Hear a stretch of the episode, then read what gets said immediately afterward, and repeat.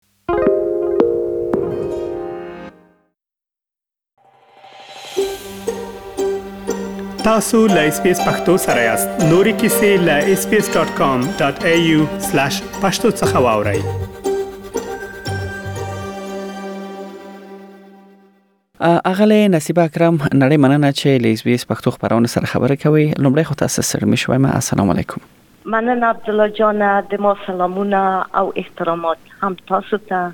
هم تاسو اوریدونکو ته نړۍ مننه اغل اکرم اغل اکرم نن خزو لپاره البته زه دا وایم چې ډېره مهمه ورځ ده هغه د مارچ اتمه ده چې د ښځو نړیواله ورځ ده او په ټوله نړۍ کې د ښځو حقونو لپاره د غي پوهاوی په برخه کې او ډېر داس نور پروګرامونه پر مخ اچول کیږي نو دا ورځ په استرالیا کې هم خپل ځان ته ځانګړی توپ لري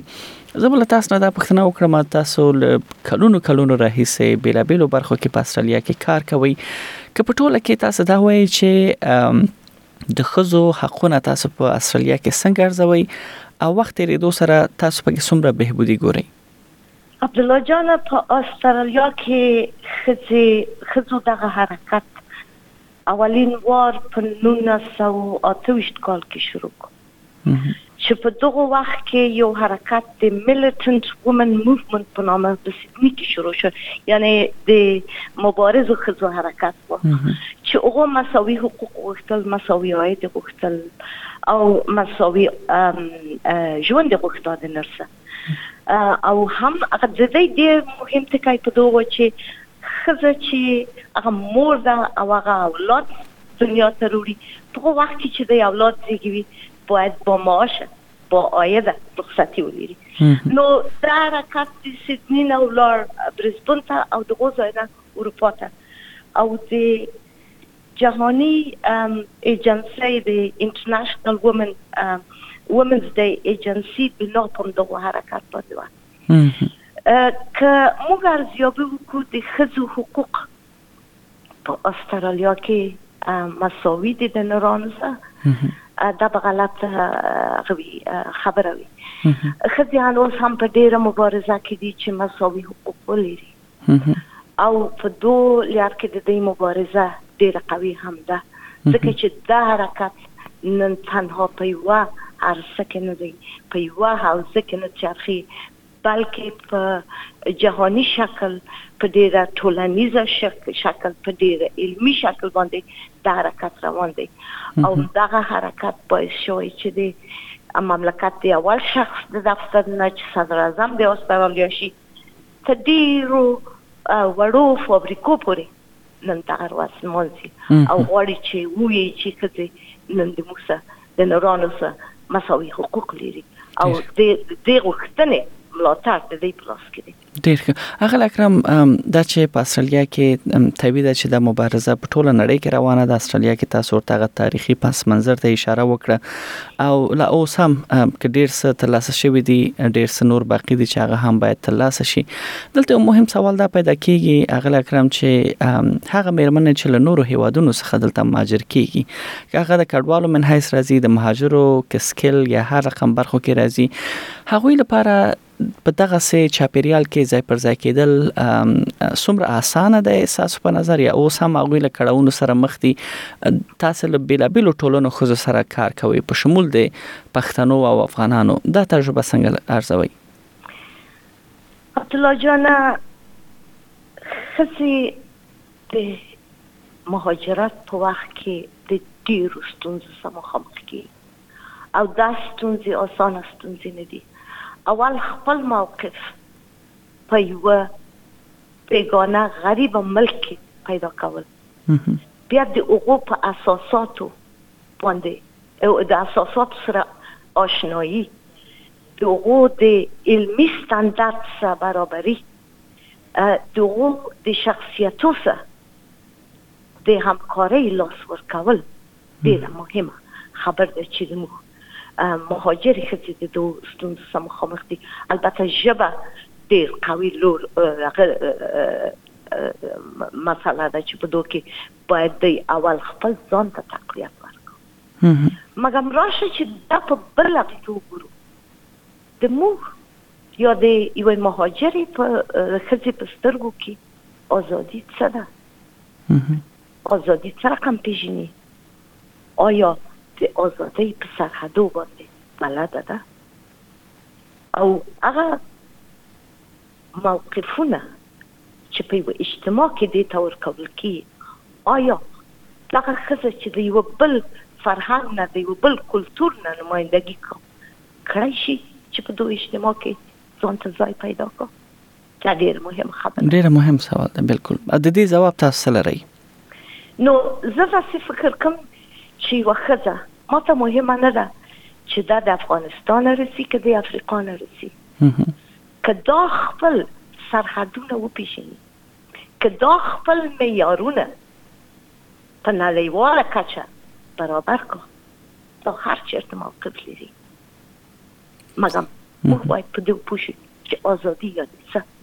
یعنی څه اغل اکرم زبا یو بل مهم ټکی ته هم اشاره وکم هغه دا چې په استرالیا کې د د ټول استرالیا ټولنه د البته ماجر په دې کې نه دي دا سوال کې چې شمیرې خای چې په نه کې حد اقل یو یا دوه میرمنې خپل د ژوند اوسنی یا پخوانی ژوند ملګری له لاسه دوی مړې کیږي خپل ژوند له لاسه ورکوي تاوتریخوالی هم دلته هغه کچه ډیره لوړه خودل کیږي په استرالیا کې چې دا البته په ټول استرالیا کې دا ویل شو موږ دلته د پوهاوی موضوع هم مطرح کیږي او دغه مېرمن چې د مهاجرو من حیث او یا د کډوالو من حیث استرالیا کې راځي دوی ک ټولنه ته دوی ایکسپوز نشي راونوزي دوی ته دغه سه په کور کې دننه دوی ته حق پوهاوی څنګه ورکول کیږي میرمن اکرم تاسو په دې برخه کې ډیر کار کړی دی آیا اوس هم داس میرمن دي چې 15 کاله په خوا راغلي دي تر اوسه پورې هم دوی په ډیر یو یو یو بد حالت کې دوی ژوند کوي او یا سنا سدوی ته رسیدنه کوي رسیدنه او کومک غوښتنه دوه مختلف بحثونه دي په دو شخړه کې نو تاسو چې یو مهاجر یا یو ریفیجی یا یو پناهنده د بل ځای د بل ځای نه دلته رسیږي یو سلسله ارزشونه د لاسه ورکوي مثلا په ژبه نه پی مثلا د ژوند ملګری خپل ارزشونه د لاسه ورکوي، د ریاست د چوکۍ نه د څي دلته دکانداري کا دا دواړه خپله اول د خشونت یا د سختۍ سره مخامخ دي، دا دواړه باید اول ځان په دو پوه کا چې دلته نورې لارې هم شته چې موږ بیرته ولاړ شو مګم د تاسف ځای دغه دی چې موږ کمک نه غواړو نه غواړو چې ځان هم ورسو ژبې ته هم اهمیت نه ورکوو علمیت ته هم اهمیت نه ورکوو په دغو قناعت کړو چې یا د موږ میړه یا د موږ بچیان دومره ورسی چې موږ ته کمک وکړي دغه د موږ کمتیا ده او دغه ټول ډومېسټیک وایلنس د دغه ځای نه شروع کی چې یو مهاجر خپل مقام خپل حیثیت او هر څه بایلي در حالی چې دا حیثیت نه دی که موږ ولاړ شو مثلا د شریک فروشۍ نه شروع کو د وزارت د چوکۍ نه غلي یو موږ کولای شو چې قرار قرار ورته یو چیرته ځان ورسیو اما دغه پوهه زموږ په کسب کې نشته دغه پوهه که موجوده وای موږ کولای شوای چې چیرته ورسو اما که دغه موضوع ته چې تاسو سوال وکړ په دو ځای کې په استرالیا کې ډیر شدید کمک روان دی ډیر خځې مړې کی او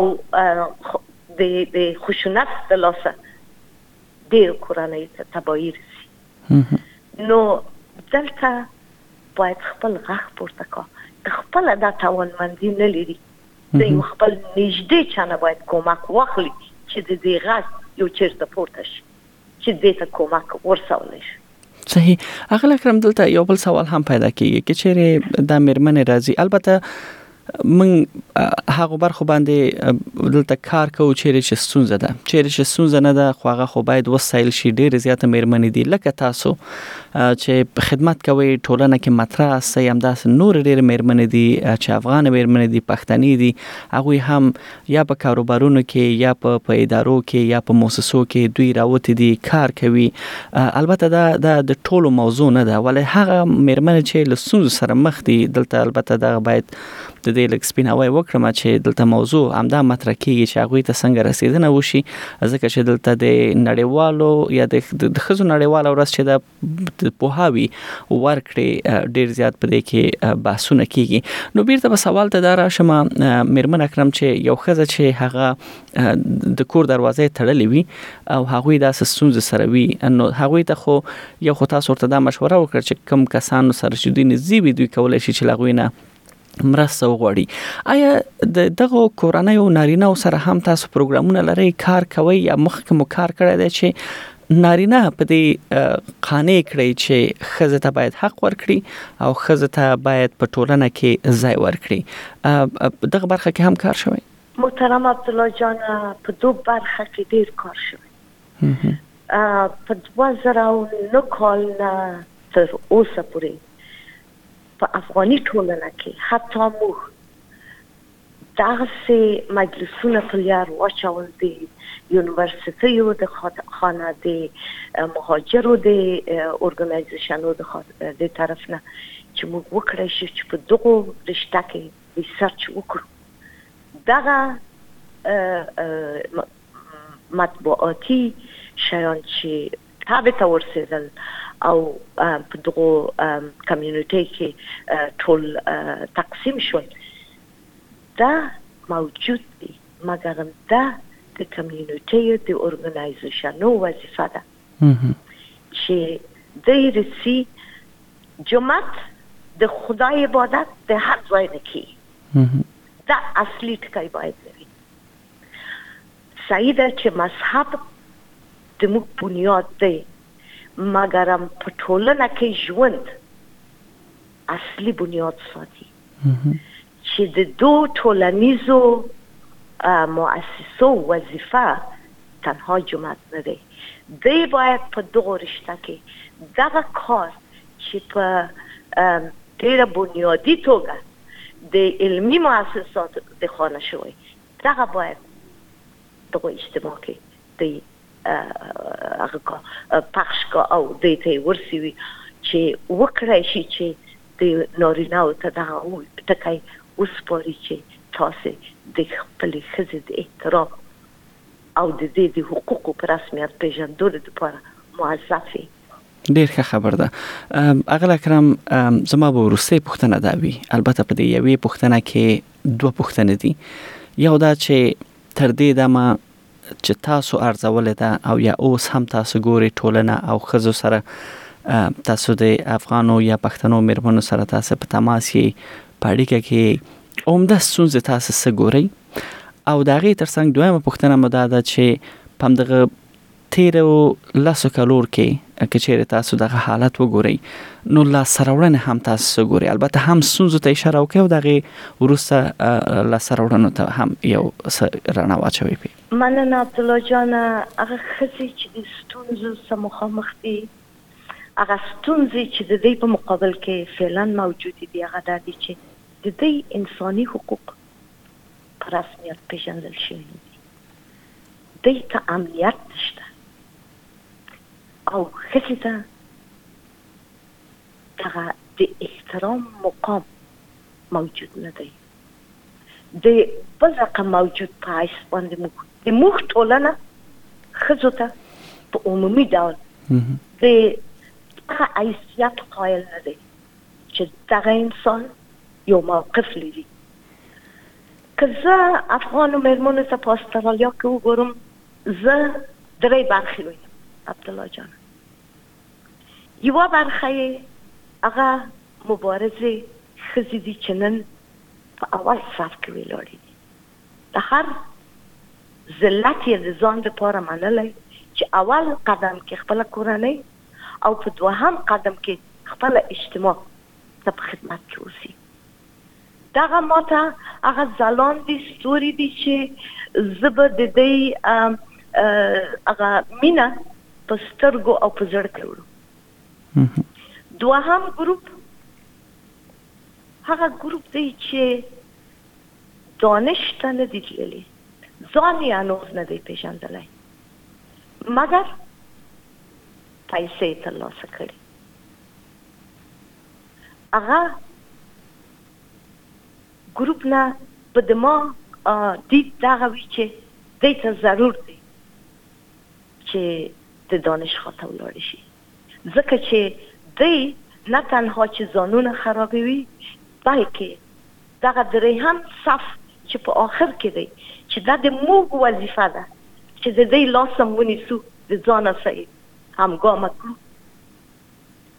دوی ته هم ضرر شوی. نو دریم ګروپ هغه ښځې دي چې د دې مقام په کور کې هنوز نشته، د دې شخصیت او حیثیت په کور کې پېژندل شوی نه دی، د دغو اجتماعي ارګانو وظیفه به دغه وي چې دغه ګروپ ته